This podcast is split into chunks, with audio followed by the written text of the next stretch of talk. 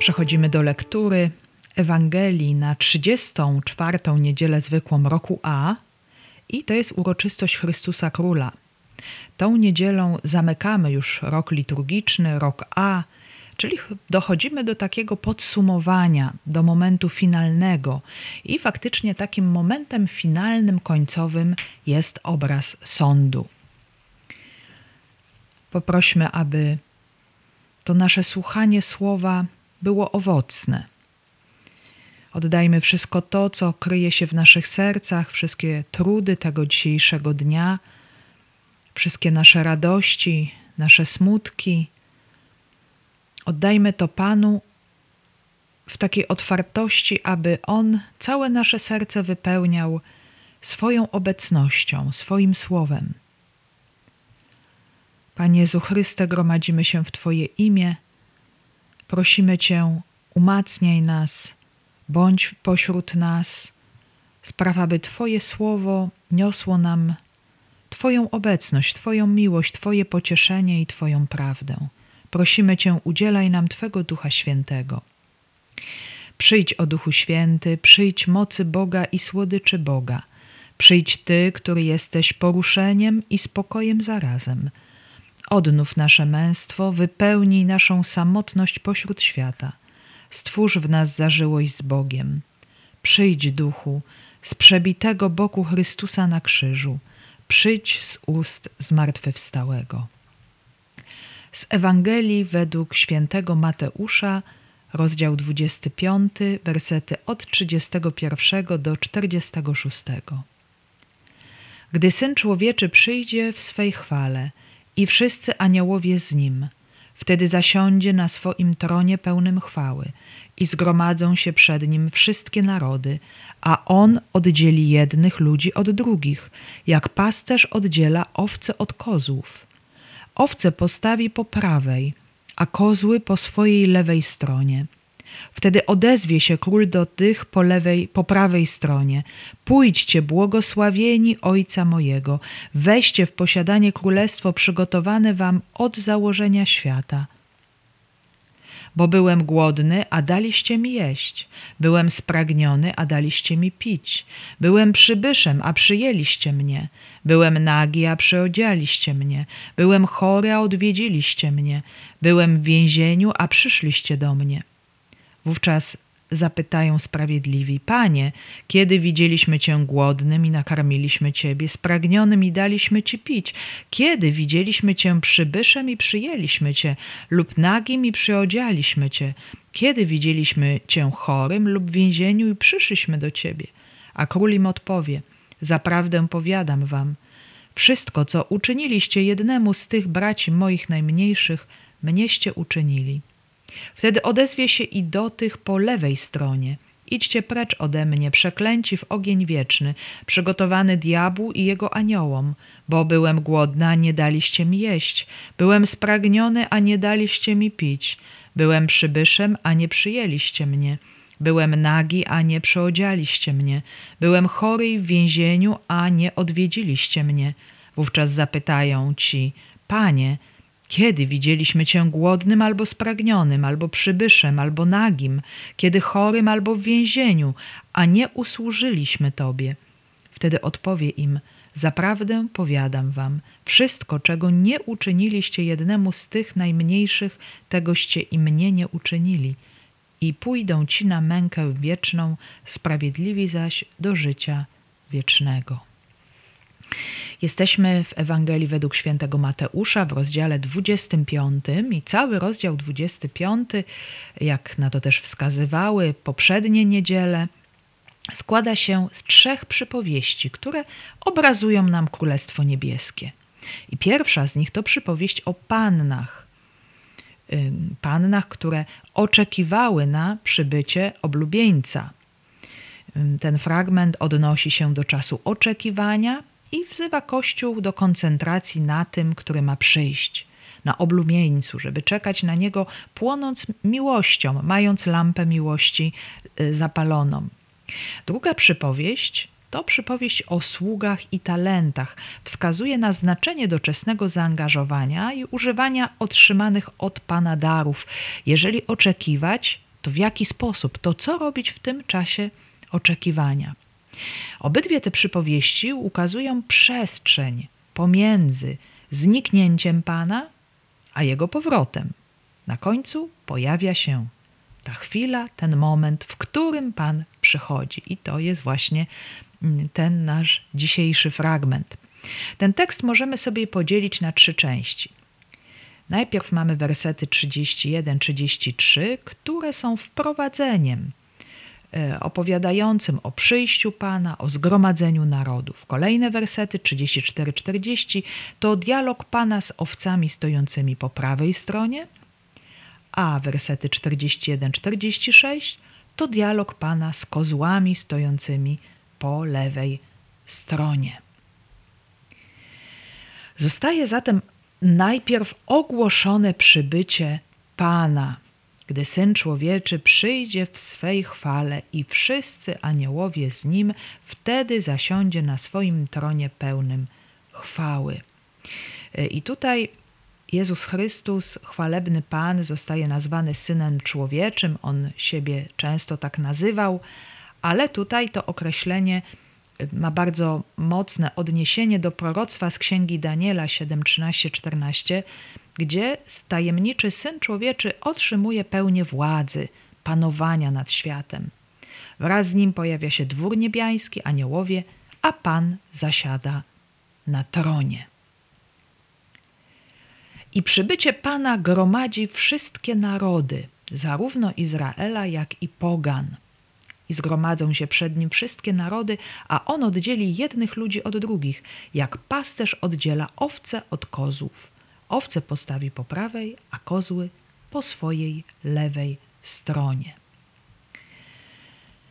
Niektórzy uważają, że najpierw dokona się sąd nad Izraelem, potem nad poganami, Mm, inni uważają, że mamy tu do czynienia z odpowiedzią na pytanie, w jaki sposób mogą się zbawić ci, którzy nie są ani Żydami, ani chrześcijanami, że właśnie tutaj tym kryterium będą ich dobre uczynki. Jednak, kiedy badamy sobie cały kontekst Ewangelii Mateusza, to mm, pojawiają nam się takie wzmianki o sądzie, który się pojawia na końcu czasów, czy na końcu życia człowieka, że syn człowieczy przyjdzie w chwale ojca swego, odda każdemu według jego postępowania, czy chociażby też zakończenie e, Ewangelii, która nam opowiada o zbożu i o chwaście, że na końcu czasów ten chwast zostanie zebrany, spalony w ogniu, że zboże będzie zebrane do spichlerza. No i właśnie ta przypowieść obrazuje właśnie to, że, y, że to zło zostanie umieszczone na jednym miejscu, a sprawiedliwi jaśnieć będą jak słońce w królestwie Ojca swego. Y, więc mamy tego rodzaju wzmianki.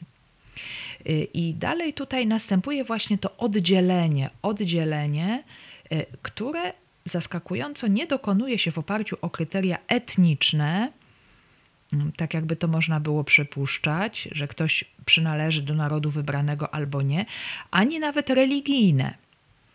Ewangelista porównuje ten podział do rozdziału owiec i kozłów. A zatem Pan jest tutaj ukazany jako pasterz i jest to też bardzo znany obraz, bo Stary Testament ukazywał nam Boga, a potem również Mesjasza jako pasterza. To jest 34 rozdział Księgi proroka Ezechiela. Y, ale też mamy i inne teksty, które bezpośrednio w taki sposób mówią nam o Bogu, chociażby znany bardzo dobrze Psalm 23, Pan jest moim pasterzem, czy y, Księga proroka Izajasza, rozdział 40, werset 11, y, gdzie pasterz prowadzi swoje owce łagodnie, troszczy się o nie.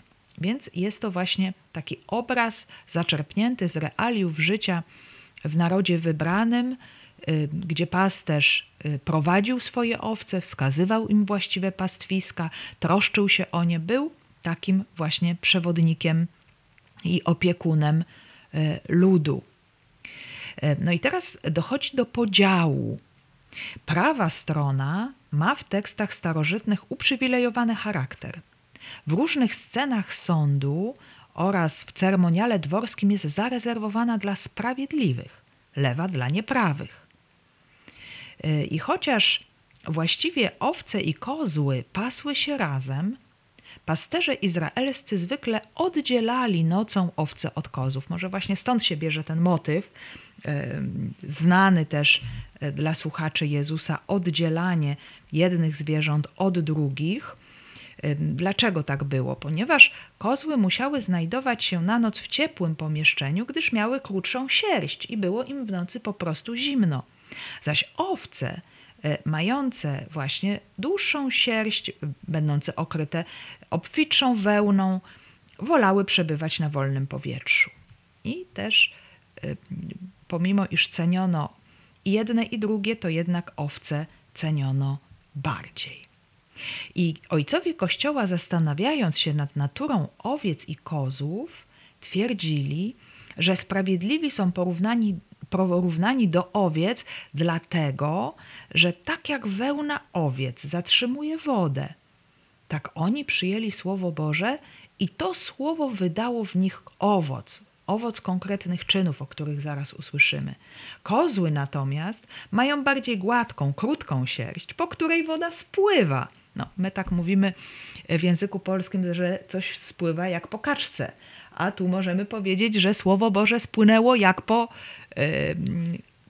kozie czy po kozłach. Więc to są ci, którzy nie przyjmują do serca Słowa Bożego. Ono właśnie po nich niejako spływa i nie wydaje owocu.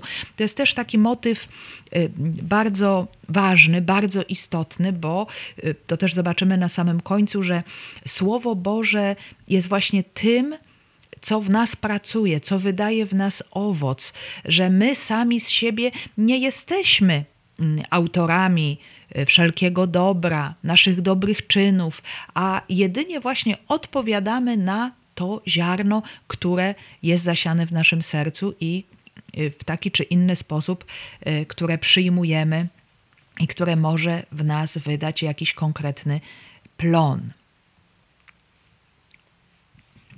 I wszystkie uczynki, które tutaj wymienia Jezus, te uczynki dotyczą głodu, pragnienia, nagości, choroby, przebywania w więzieniu.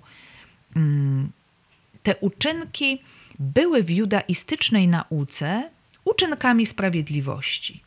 Troska o ubogich, udzielanie gościnności obcym i odwiedzanie chorych, były podstawą judaistycznej pobożności.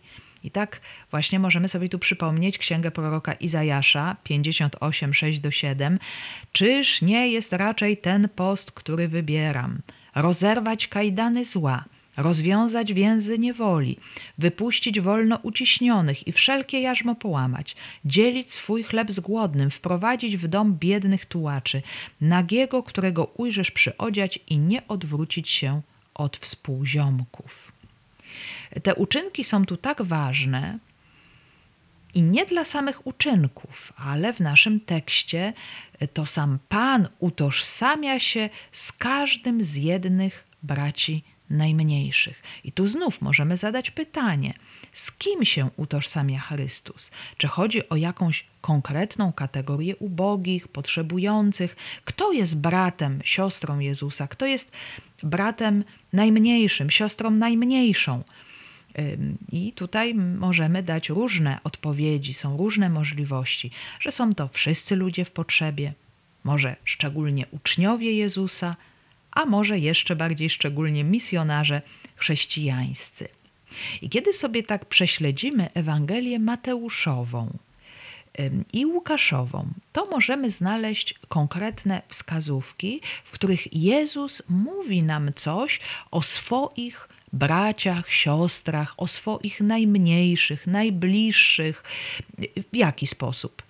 Otóż na przykład Mateusz 12, 49, 50 Jezus mówi: Oto moja matka i moi bracia, bo kto pełni wolę Ojca mojego, który jest w niebie, ten mi jest bratem, siostrą i matką. Albo Mateusz 10, 42.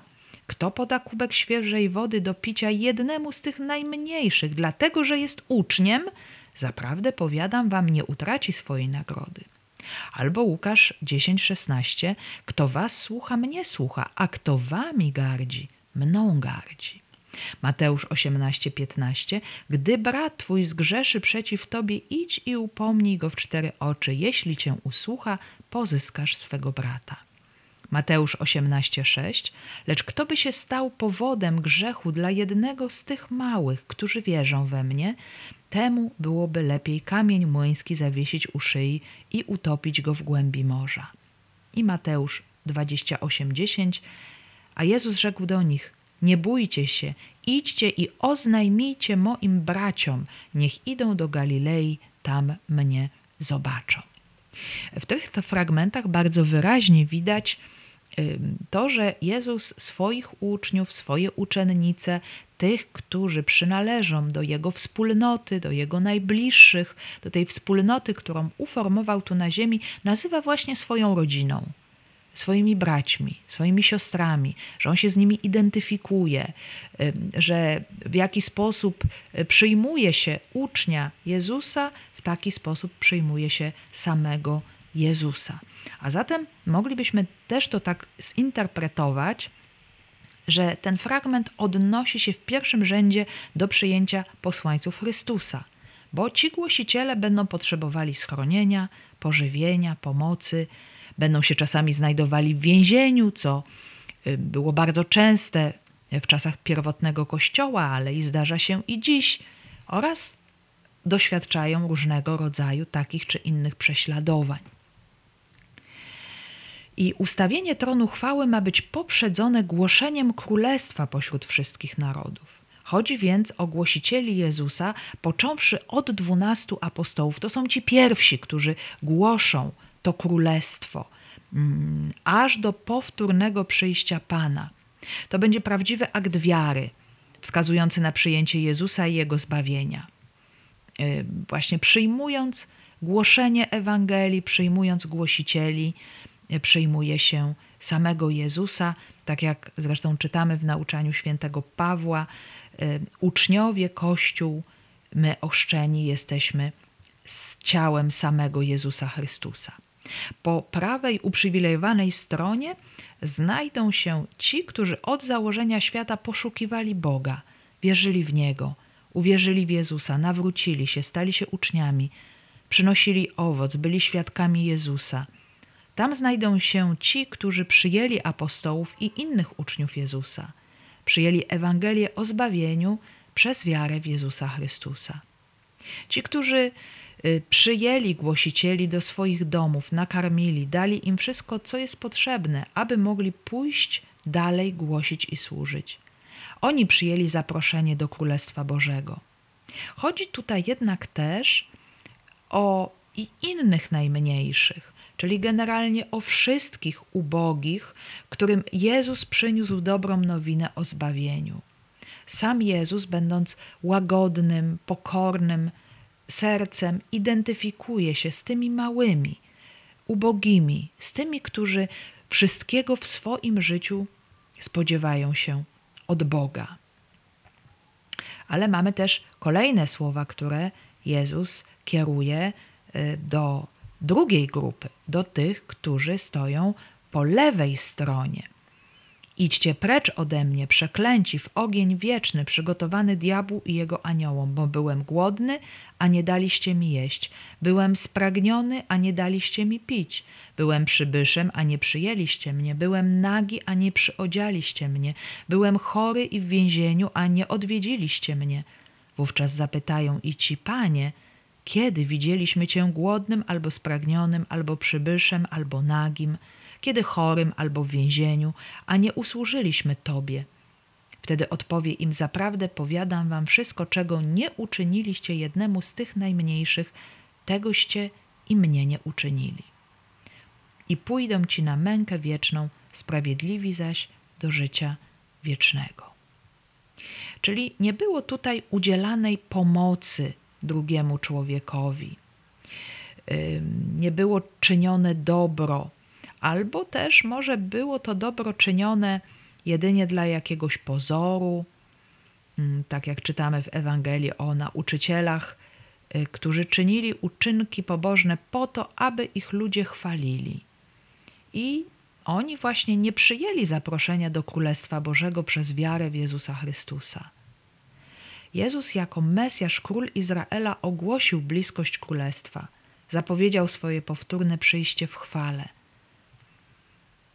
W Galilei, Judei, Jerozolimie ludzie podzielą się na tych, którzy wierzą w Jezusa i na jego przeciwników.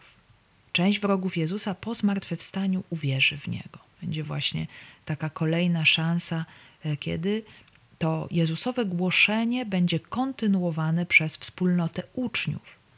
Ale w świecie aż do paruzji pozostanie ten podział, który ujawnił się w Jerozolimie w czasie procesu męki i śmierci Jezusa. Trwał również po jego zmartwychwstaniu i trwa do dzisiaj. Kiedy Boży Syn zasiądzie na tronie chwały, ten podział wtedy zostanie odsłonięty. I wtedy już nie będzie czasu na nawrócenie. To ostatnie publiczne słowa Jezusa e, w relacji Ewangelii według świętego Mateusza. Ewangelista Jan w podobnej sytuacji przytoczy słowa Jezusa: Nie przyszedłem bowiem po to, aby świat sądzić, ale aby świat zbawić. Kto gardzi mną i nie przyjmuje słów moich, ten ma swego sędziego. Słowo, które powiedziałem, ono to będzie go sądzić w dniu ostatecznym.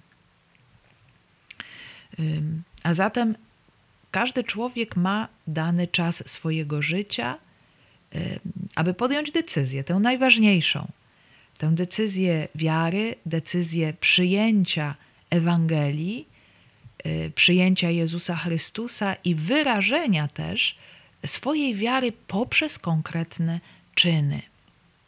Y, I myślę, że bardzo ważne jest też to, czego nauczał święty Paweł, a mianowicie głosił prymat łaski nad uczynkami, że pierwsze jest zawsze przyjęcie łaski, że uczynki miłości stają się właśnie tym znakiem przyjęcia usprawiedliwienia, przyjęcia ducha, przybrania za synów. I święty Paweł w liście do Galatów mówi tak w rozdziale szóstym od 7 do 10. Nie łudźcie się, Bóg nie pozwoli z siebie szydzić. A co człowiek sieje, to i rządź będzie. Kto sieje w ciele swoim, jako plon ciała zbierze zagładę. Kto sieje w duchu, jako plon ducha zbierze życie wieczne. W czynieniu dobrze nie ustawajmy, bo gdy pora nadejdzie, będziemy zbierać plony, o ile w pracy nie ustaniemy. A zatem, dopóki mamy czas, czyńmy dobrze wszystkim, a zwłaszcza naszym braciom w wierze. Bardzo konkretne y, słowa świętego Pawła. Najpierw czyńmy tym, którzy są najbliżej nam, najbliżej nas dobro, y, posługę, miłość, życzliwość właśnie w imię Jezusa Chrystusa. Y, I apostoł narodów stwierdza jeszcze później w drugim liście do Koryntian 5:10 Wszyscy bowiem musimy stanąć przed Trybunałem Chrystusa – aby każdy otrzymał zapłatę za uczynki dokonane w ciele, złe lub dobre. A zatem, moi drodzy, ta dzisiejsza Ewangelia wprowadza nas w klimat sądu ostatecznego. Człowiek stanie przed Bogiem.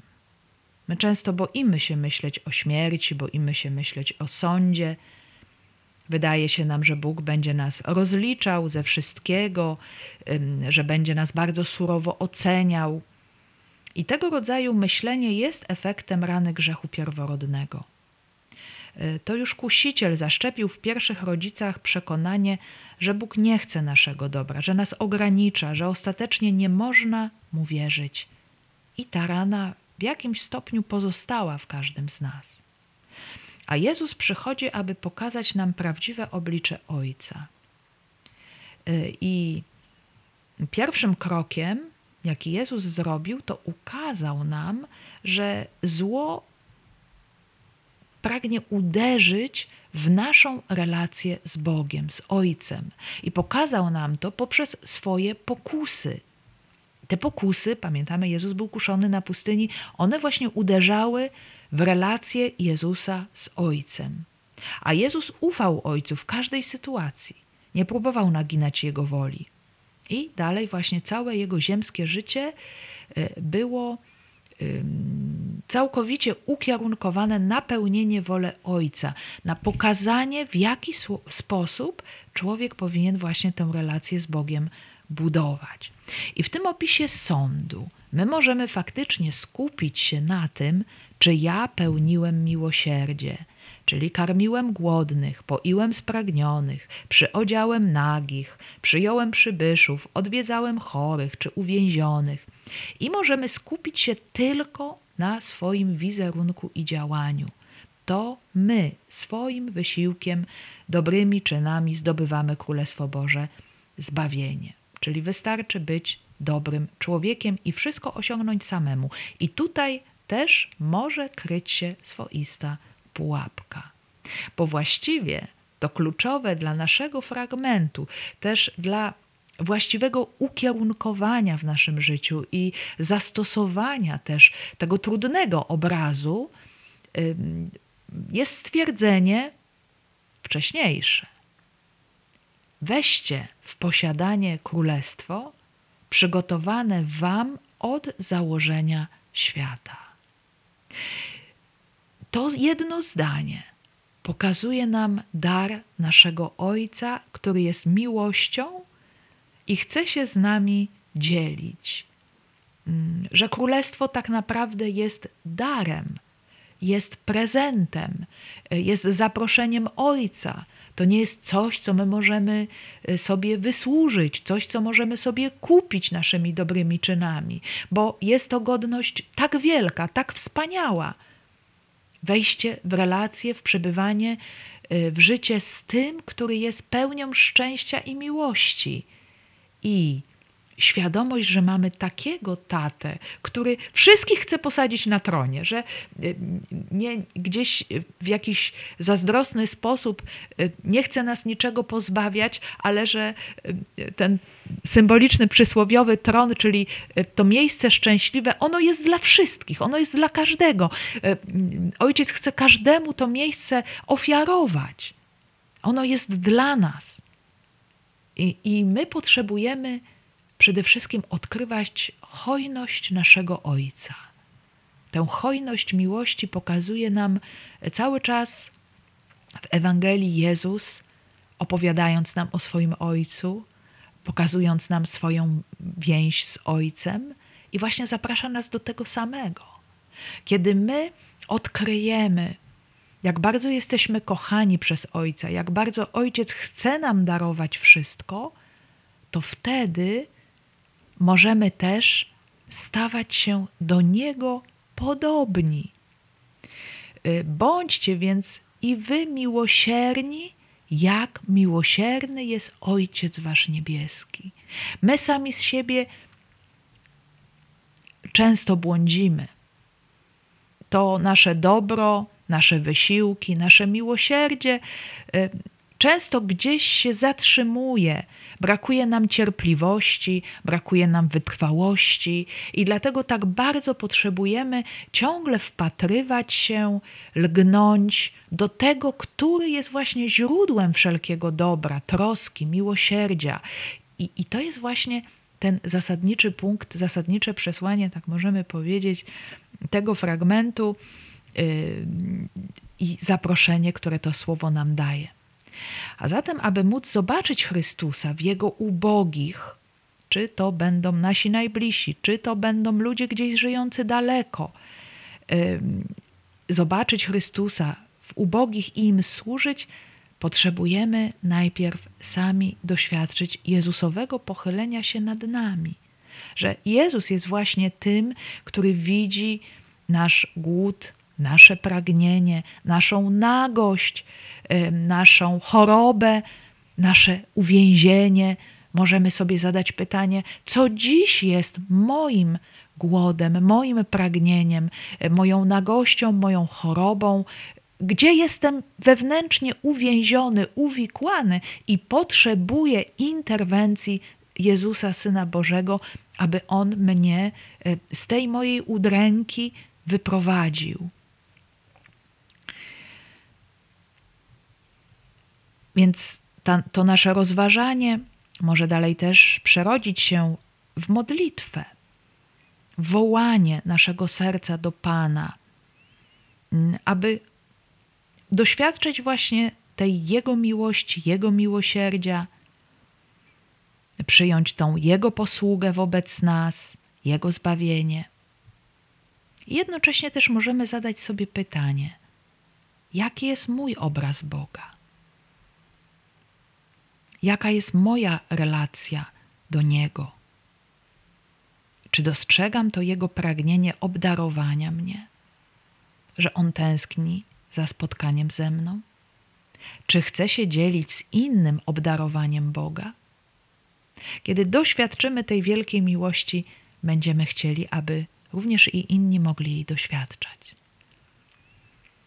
Przyjmijmy dar tego słowa jako przede wszystkim możliwość przyjęcia obdarowania dla nas, spotkania z Jezusem, miłosiernym pasterzem i sługą, który pragnie dziś pochylać się nad ubóstwem, nad potrzebami każdego i każdej z nas.